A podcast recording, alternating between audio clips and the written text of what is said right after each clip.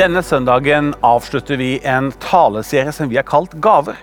Og fra forskjellig perspektiv har vi sett på de gavene som vi alle har i våre liv. Vi har sett på at vi har ulike gaver. Vi har sett på hva er mine gaver, og hvordan forvalter jeg mine gaver. I dag skal vi se på hvilken betydning har min gave. La meg først få lov til å si en tanke som vil ha stor negativ betydning for ditt liv. Det er tanken om at dine gaver er av ingen betydning. I dag ser vi på alle våre evner og talenter som gaver vi kan gi til noen som trenger dem. La meg først få dele en banal liten fabel som vi kanskje kan lære noe av. Det var en ilter og grinete gris og han oppsøkte kua, og han sa, 'Hvorfor liker alle deg, mens meg tåler de knapt?'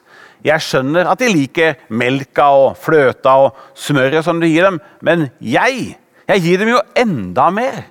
Både bacon og skinke og pølser og juleribbe, så hvorfor liker de deg bedre enn meg? Kua kikka på den iltre grisen og tenkte litt, og så sa hun forsiktig, 'Kanskje det er fordi jeg gir mens jeg fortsatt lever, mens alt det du gir, det kommer dem til glede etter at du er død. Kanskje ligger det en læring for oss alle at vi må bruke våre gaver mens vi lever, og har mulighet til å bety en positiv forskjell i menneskenes liv rundt oss. Hvis vi bruker våre gaver primært for å forsøke å imponere noen eller oppnå noe for egen del med våre gaver, så blir jo gavens størrelse viktig. Og tro om ikke gaver egentlig handler mer om mottakeren enn giveren. At målet med gaven handler mer om den som skal få, enn den som gir.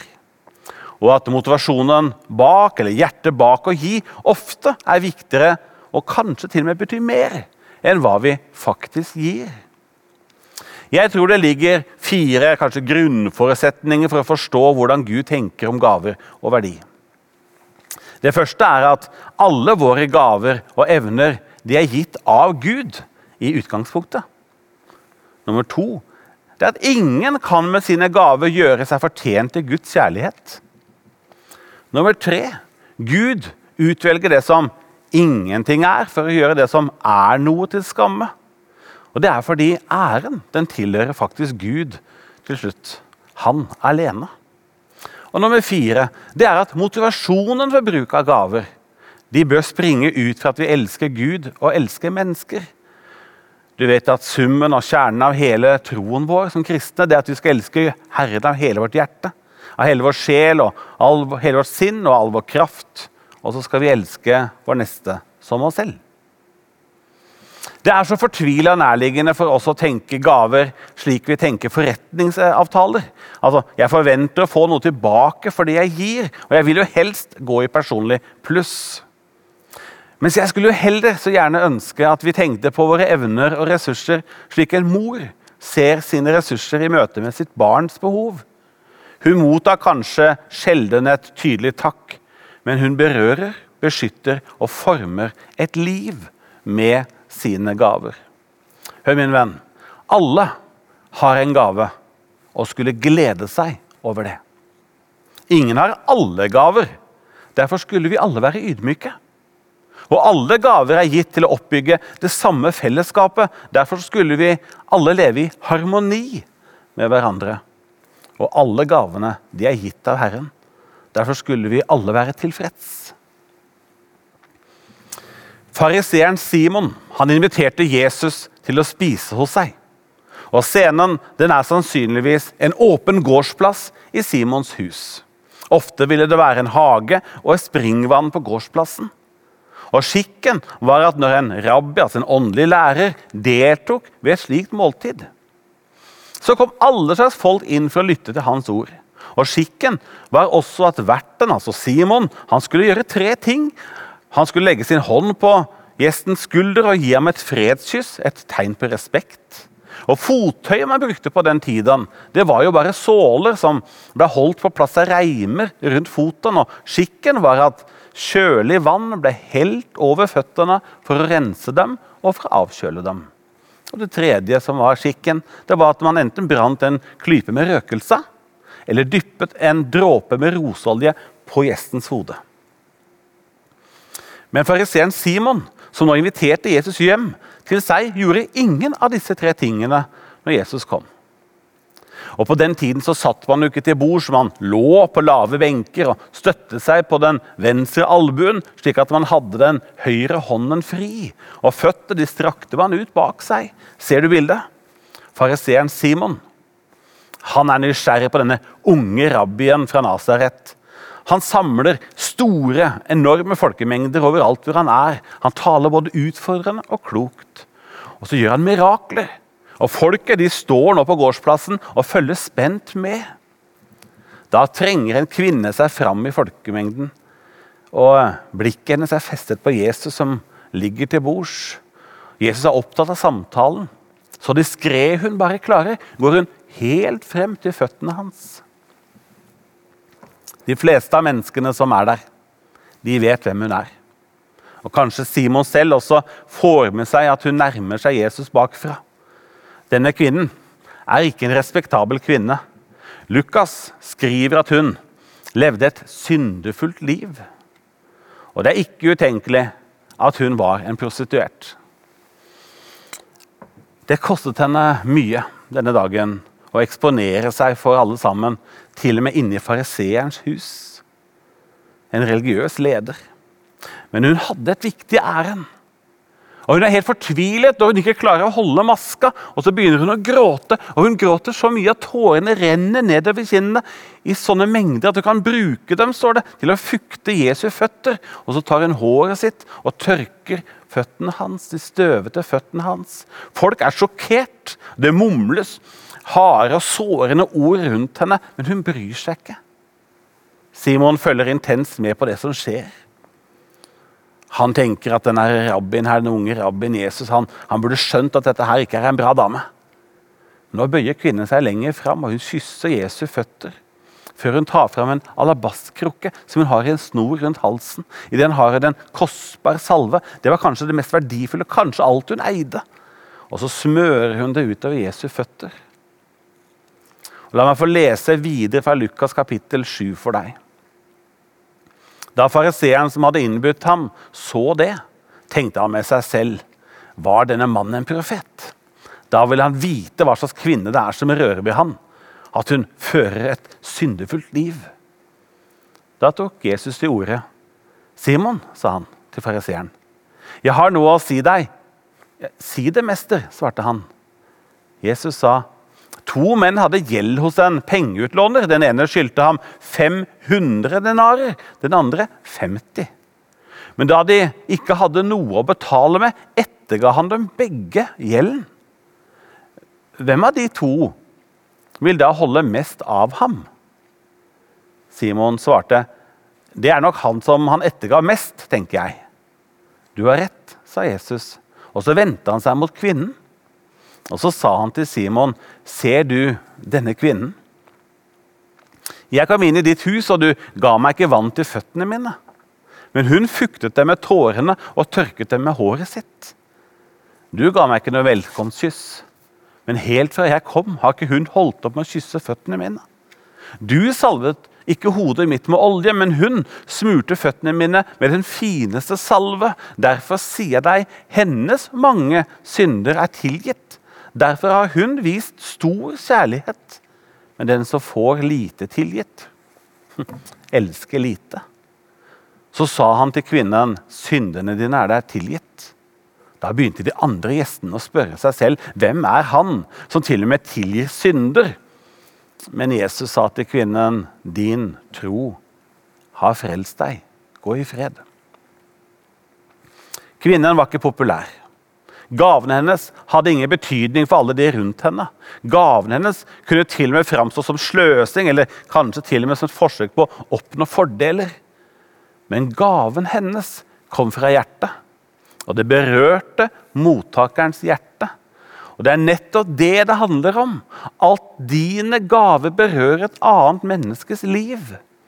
Gaven hennes ga ingen mening for de andre, men Jesus forsto. Og han tok imot med et åpent hjerte. Ikke tenk lite selv om din gave blir sett kanskje ikke av mange. Kanskje ikke blir forstått av mange. Ikke tenk lite om det du bidrar med, selv om det kanskje ikke er verdsatt av mange heller. Så lenge mottakeren forstår og kan ta imot, for din gave betyr en forskjell. Ha også i minne ordene som Jesus sier i Matteus 25, vers 40, det du gjorde mot én av disse mine minste søsken. Det har du gjort mot meg. Kjære venn, du har flere evner, talenter og ressurser enn du selv er klar over. Din utfordring er kanskje at du, slik som så mange andre av oss også, tenker lite om deg selv og ditt bidrag. Noen av oss har til og med rota det til sånn at vi i stor grad bruker våre evner til å sette rampelyset på oss selv. Og vi bruker våre gaver for å få oppmerksomhet og anerkjennelse. Og hør meg tydelig nå, Jeg tror både at det er rett og godt å styrke og foredle våre gaver. Jeg tror at vi alle trenger å bli sett og oppleve anerkjennelse og oppmuntring når vi bruker våre gaver. Men våre gaver har en dypere og kanskje enda edlere hensikt enn at oppmerksomheten rettes mot oss selv. Med våre gaver kan vi redde mennesker. Med våre gaver kan vi hjelpe mennesker som trenger hjelp. Med våre gaver kan vi tenne lys der ensomhet og håpløshet holder mennesker fast i mørke følelser. Med våre gaver kan vi bringe fram smil, tørke tårer og trøste. Med våre gaver kan vi grave fram gull og elske fram den sanne verdien i menneskene rundt oss. Med våre gaver kan vi gi slitne mennesker kraft til å løfte blikket sitt igjen. Jeg skulle ønske det var forbudt å si at mine gaver er for små eller for svake. Johannes kapittel 6, vers 3 og utover forteller om den dagen da en stor folkemengde hadde fulgt etter Jesus helt opp i fjellet. Og Den store folkemengden de var sultne. Johannes forteller om hvordan Jesus så på en av disiplene sine, Philip. og Han spurte ham hvor kan vi kjøpe brød, eh, så alle disse her sånn kan få noe å spise. Dette sa han for å prøve dem, for han visste selv hva han ville gjøre. Og Philip han kikket utover folkemengden. Han så kun umuligheter og begrensninger. Men da kommer Andreas, altså broren til Peter, og han er positiv. Han kommer bort til Jesus og sier du, det er et barn her som har fem byggbrød og, og to fisker. Men så kikket han også på matpakken, den lille matpakka, og så så han på den store folkemengden og de store behovene. Og da mista han både mot og tro, og så sier han, men hva er det til så mange? Men det var nettopp dette tilsynelatende fattigslige bidraget som Gud trengte for å møte behovet til over 5000 mennesker den dagen. For Gud kunne sikkert gjort dette på andre måter, men han søkte etter et menneskes tro, et menneskes initiativ og et menneskes vilje til å dele. Vi trenger å bli sånne sennepsfrøtenkere. I Matteus 13 og Matteus 17 så står disse versene om himmelriket, som er som et sennepsfrø som en mann tok og sådde i åkeren sin. Og Det frøet er mindre enn alle andre. Men når det har vokst opp, er det som et stort tre. Større enn andre hagevekster. Og himmelens fugler kommer og bygger rede i greinene på det. Jesus sier om dere hadde tro som et sennepsfrø, så kan dere si til fjellet, flytt deg herfra og dit. Hva har det betydd for mitt liv? Jeg lurer på, når jeg tenker bakover, hvilke ting episoder har betydd noe som har formet mitt liv. Jeg tenker bakover, og jeg synes jeg ser akkurat som en, det er et hull i en pose med små sennepsfrø. Og frøene er som mennesker som har sett meg. Som har talt et ord i rett tid. En oppmuntring, hjelp da jeg trengte det, vist meg tillit. Disse frøene har formet meg. Men jeg vet ikke om alle de som sådde disse frøene i mitt liv, var klar over betydningen da de gjorde det. Vi måtte lære oss å tenke våre gaver. Og vi må lære å sette våre gaver i sammenheng med Guds og andres gaver. Kanskje er det vår oppgave å så, mens andre vil vanne. Eller kanskje det er vi som har fått lov til å se frukten av det andre har gjort. Det kan hende at vi ikke alltid ser engang frukten av det vi gjør, våre gaver, i vår levetid. Kanskje vil det bli andre som får høste det som jeg og du, med våre gaver, våre bønner og vår tålmodighet, har investert og sådd. Men jeg tenker at en kristen bruker sine gaver med himmelen i tankene. Vi er nært tilstedeværende i øyeblikket, samtidig som vårt blikk strekker seg framover mot himmelen, slik også Jesus gjorde. Og vi henter jo vårt forbilde og vårt mot og vårt håp fra himmelen, der hvor Jesus sitter og ber for oss. Forkynneren kapittel 11 vers 1-6 sier det slik. Kast ditt brød på vannet for med tiden vil du finne det igjen. Del det du har, med sju eller åtte, for du vet ikke hva slags ulykker som kan hende på jorden. Og når skyene blir fulle av regn, øser de det utover jorden. Faller et tre mot sør eller nord, blir det liggende på stedet hvor det falt. Den som akter på vinden, får ikke så. Den som kikker på skyene, får ikke høste. Like lite som du vet hvordan vinden blåser og knoklene dannes i mors liv, like lite kan du forstå Guds gjerninger, Han som gjør alle ting. Så ditt såkorn om morgenen, og la ikke hånden hvile mot kveld. For du vet ikke hva som vil lykkes, det ene eller det annet, eller om begge deler er like gode.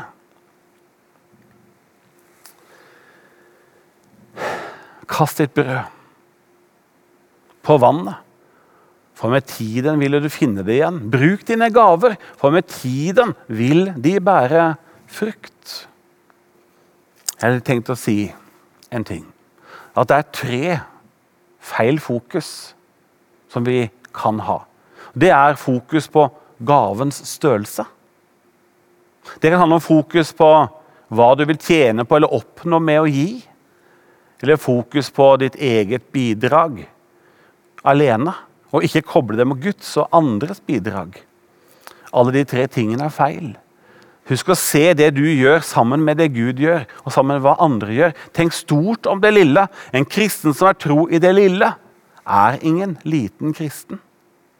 Dine gaver har en forunderlig stor betydning både her i tiden og for evigheten. Alt stort begynner med noe lite. Og husk, det måtte en Gud til for å skape noe så vakkert og begavet som deg. Og selv under optimale omstendigheter vil du aldri, selv med et langt liv, klare å utforske dypet og rekkevidden av alle de evner og gaver som Gud har gitt til deg. Berik dine omgivelser ved at du bruker gavene dine for en kristen som er tro Jeg sa det. En kristen som er tro det lille, er ingen liten kristen. Og du kan forandre menneskers liv med dine evner, med dine gaver, ressurser og din oppmerksomhet. Jesus satt en dag overfor tempelkisten. Han så hvordan en Folk la masse penger i den. Mange rike ga mye. Men så kom det en fattig enke og la to småmynter hvert noen få øre i kollekten. Da kalte han disiplene til seg og sa sannelig, jeg sier dere, denne fattige enken har gitt mer enn noen av de andre som la penger i tempelkisten. Fordi alle ga sin overflod, men hun ga sin fattigdom alt hun eide, alt hun hadde å leve av. Jeg bærer et håp i mitt hjerte. Og det er at Når jeg en dag står trygt hjemme på trappa i himmelen, så vil jeg forundres over at jeg med mine evner, gaver, ressurser berørte langt flere mennesker enn jeg selv hadde oversikt over eller trodde. At jeg har brukt mine gaver og sådd sennepsfrø i menneskers liv rundt meg gjennom hele mitt liv. Frø som jeg håper betydde noe der og da i livet, på jorden, i tiden men som kanskje også kan bety noe helt inn i himmelen en dag. Jeg håper at det ikke er for egoistisk av meg å håpe at jeg, når jeg sitter på trappa i himmelen en dag, så kommer det mennesker bort til meg og sier, 'Daniel, takk for det du ga, og at du brukte dine gaver'. Ray Bold skrev en sang han kalte nettopp dette 'Thank You'. Og Teksten den er en håpefull fortelling om en person som etter å ha endt sitt liv på jorden, kom til himmelen. Og Der kom mennesker bort til ham og takket ham for alt hva han hadde betydd for dem på jorda. Et ord, en gave, et øyeblikk med omsorg. En invitasjon eller en øyeblikk hvor jeg prioriterte å være en medvandrer der livet var tøft. Lytt til sangen som skal synges etterpå. Bli oppmuntret ved tanken på at også dine gaver har berørt og vil berøre langt flere enn du selv ser og forstår. Dine gaver, gitt av et varmt hjerte, har en enorm betydning, og dine hverdager er hovedarenaen for å bruke gavene dine. Lytt til teksten når vi nå får høre sangen 'Thank You'.